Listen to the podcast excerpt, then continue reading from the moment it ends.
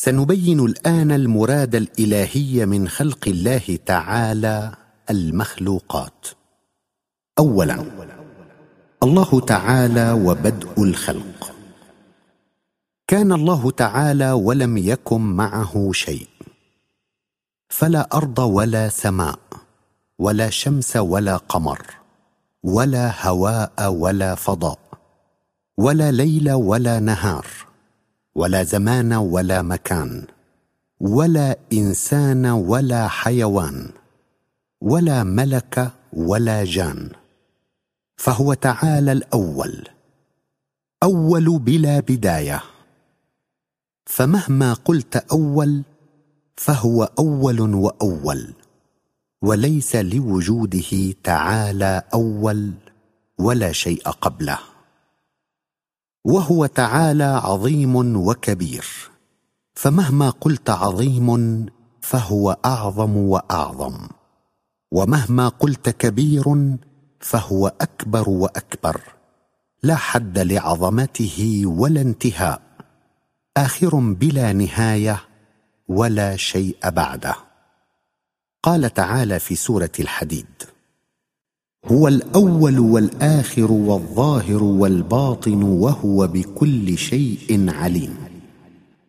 وقد أراد تعالى وهو معدن الجود والإحسان والرحمة والفضل والحنان والعظمة والجمال والجلال وغير ذلك من الأسماء الحسنى الدالة على الكمال.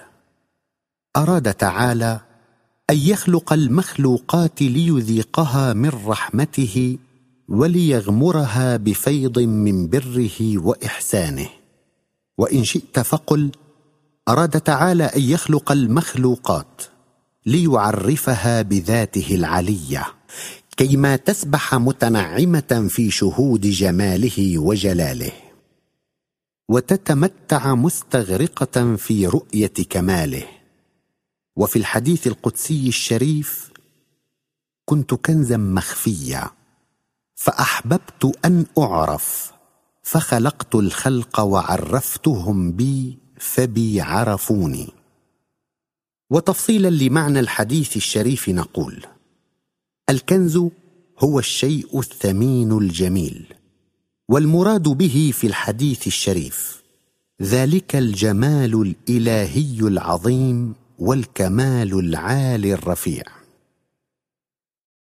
المخفي أي الذي لا يعرفه أحد. فأحببت أن أعرف فتشير إلى كرمه تعالى وكبير فضله.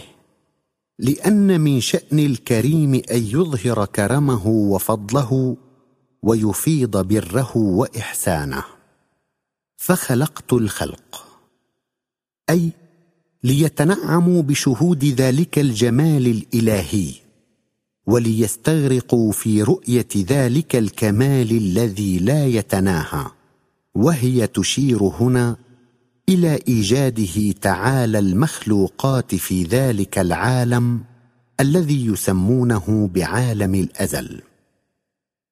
عرفتهم بي أي أشهدتهم عظمتي وفضلي عليهم في خلقهم. فبي عرفوني أي عن طريق رؤيتهم لأنفسهم توصلوا لمعرفتي فتمتعوا برؤية ذلك الكنز العالي إذ شاهدوا طرفا من جمالي وكمالي.